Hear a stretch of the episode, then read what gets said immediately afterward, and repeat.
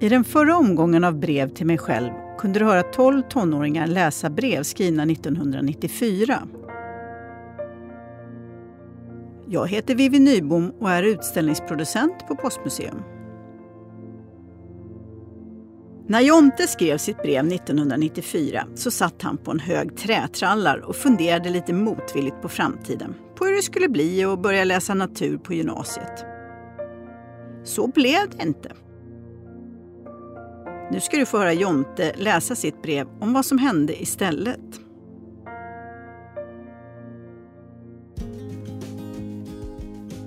Stockholm, 24 juli 2018. Tjaba Jonte! Jag är nu 40 år och några månader. Tack för ditt fina brev som väckte många härliga minnen. Jag påbörjade min fyra veckor långa semester igår. Juli har i år varit det varmaste på minst 260 år, ja, eller sedan man började mäta medeltemperaturer. Visst njuter man av värmen, men den stora baksidan är alla de skogsbränder som rasat i Sverige de senaste veckorna och även på andra håll i Europa. Vad har då hänt i mitt liv sedan 1994? Jag bytte från naturvetenskaplig till estetisk teaterinriktning på gymnasiet, fast besluten att förverkliga drömmen om att bli skådespelare. De tre åren på Sankt Jakobi gymnasium var väldigt viktiga i min mognadsprocess. Jag blommade bokstavligt talat ut till en riktig estet med långt hår, 70-talskläder och massor av teaterprojekt.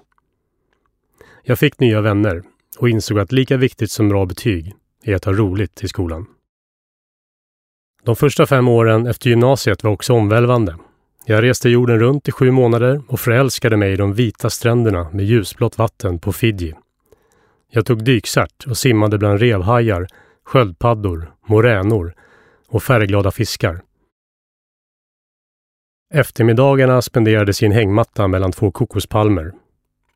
Fortsatta teaterstudier tog mig till både London och Italien innan jag bytte inriktning och pluggade språk på plats i Spanien och Kina, tio respektive fem månader.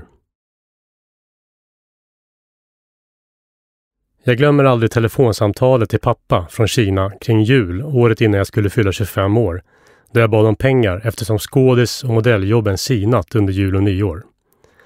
Pappa tyckte att jag borde komma hem, ta körkort, jobba, betala skulder och plugga. Det låter trist, svarade jag. Men någon månad senare gjorde jag exakt det. För att eh, snabbspola berättelsen framåt så pluggade jag språk för att bli tolk, bytte sen till företagsekonomi för att bli ekonom, avrundade med film och fotostudier och blev frilansande filmare under åtta år. Under sju sommarlov jobbade jag även som kolloledare för ungdomar med ADHD, Asperger och Tourettes syndrom och lärde mig enormt mycket om livet, ärlighet och spontanitet. Detta hattande runt världen och mellan yrken har tyvärr gett både ekonomisk och känslomässig instabilitet som i allra högsta grad bidragit till att jag aldrig lyckats stanna i en kärleksrelation längre än tre och ett halvt år.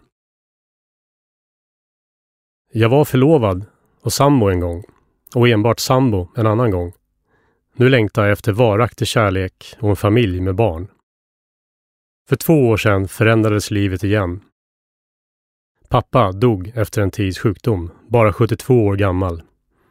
Han som alltid funnits fanns inte mer. Sen kanske han inte alltid var en perfekt pappa. Men han gjorde nog så gott han kunde efter sin egen uppväxt med en alkoholiserad pappa. Mina föräldrar skildes då jag var sju år.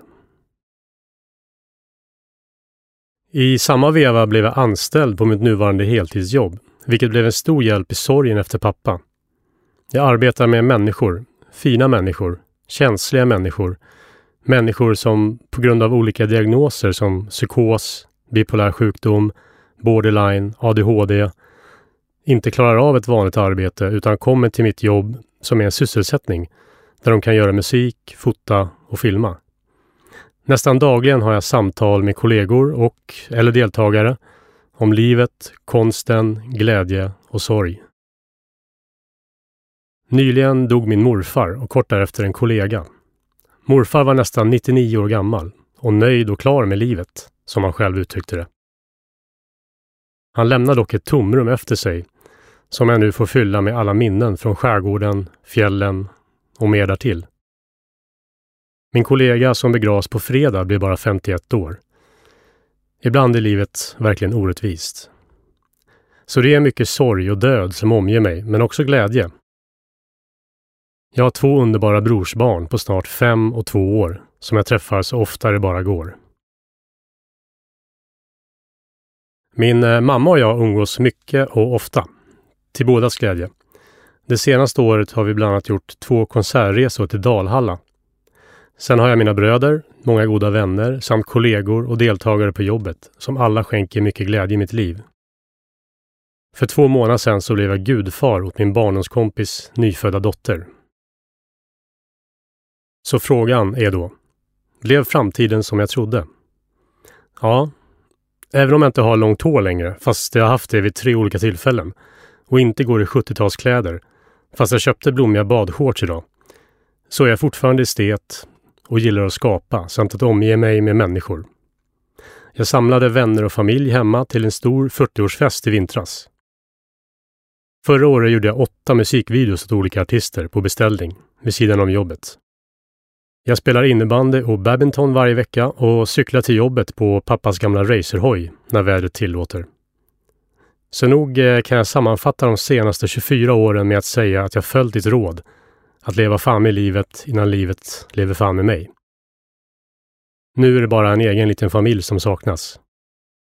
Ha det gött! Hälsningar Jonte, 40 år.